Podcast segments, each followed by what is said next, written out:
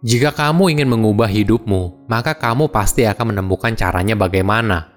Jika tidak, kamu pasti akan punya seribu satu alasan. Halo semuanya, nama saya Michael. Selamat datang di channel saya, Sikutu Buku.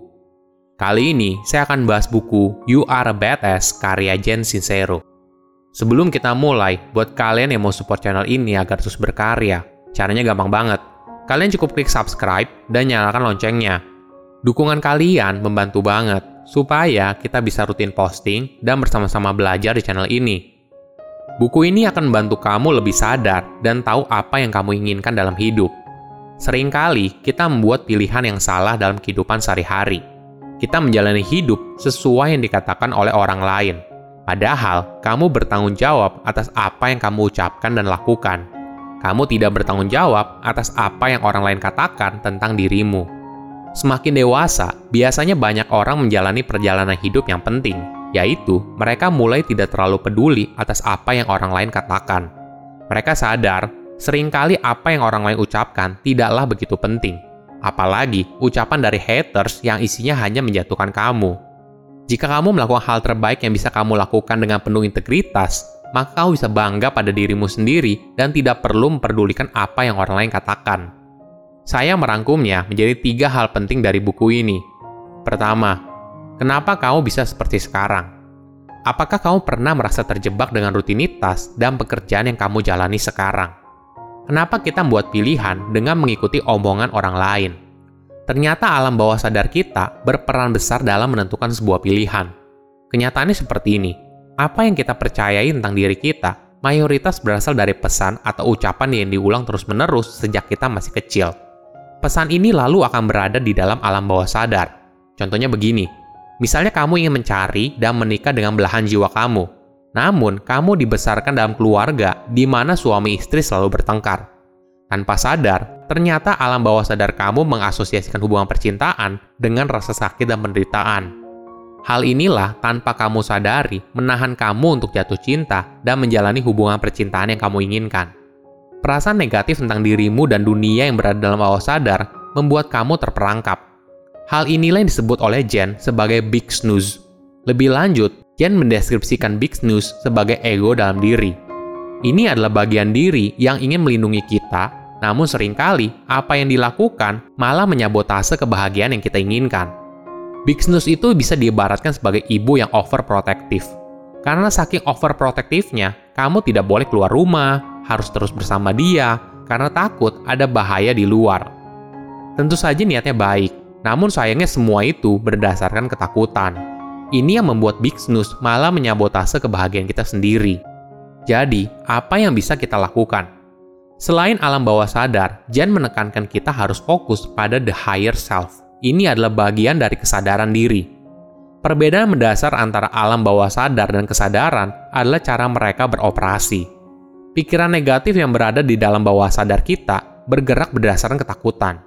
Sedangkan pada kesadaran, kita bergerak berdasarkan cinta.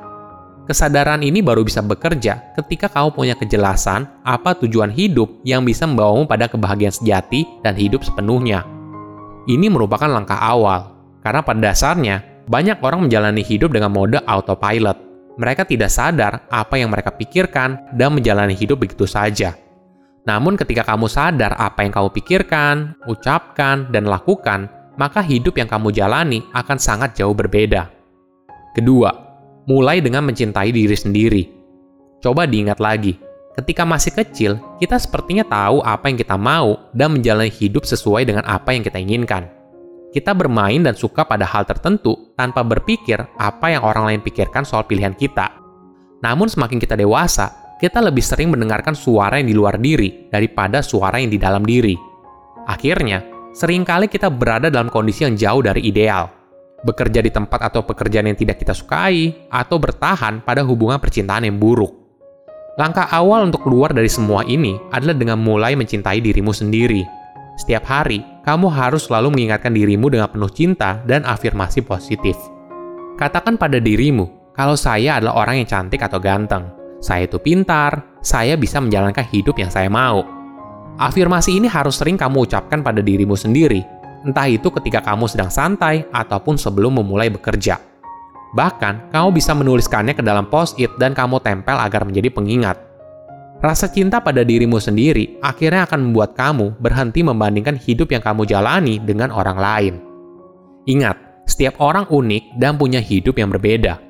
Bukan hanya itu, kecintaan terhadap diri sendiri akan mengurangi rasa takut tentang apa yang orang lain pikirkan. Kamu tidak lagi membiarkan orang lain mendikte cara kamu menjalani hidup. Jika kamu mau jadi penulis, silahkan. Coba mulai menulis rutin setiap hari. Lakukan apa yang ingin kamu lakukan. Ingat, semua dimulai dari pikiran dan menentukan kenyataan hidup yang kamu jalani. Jadi, jika kamu ingin mengubah kenyataan, maka kamu harus mengubah pikiranmu dulu. Mulailah percaya kalau kamu bisa melakukannya dan bisa mencapai mimpi yang kamu inginkan. Apa pun yang kamu pikirkan akan memberikanmu energi, dan pada akhirnya energi itu yang menjadi kenyataan. Jadi, kenapa tidak berusaha mengarahkan energi itu ke hal yang kamu inginkan? Ibaratnya seperti pepatah, fake it until you make it. Jika kamu bermimpi ingin jadi pembicara yang hebat, tapi kamu takut berdiri di atas panggung, jangan fokus pada tanganmu yang gemetar atau suaramu yang gugup.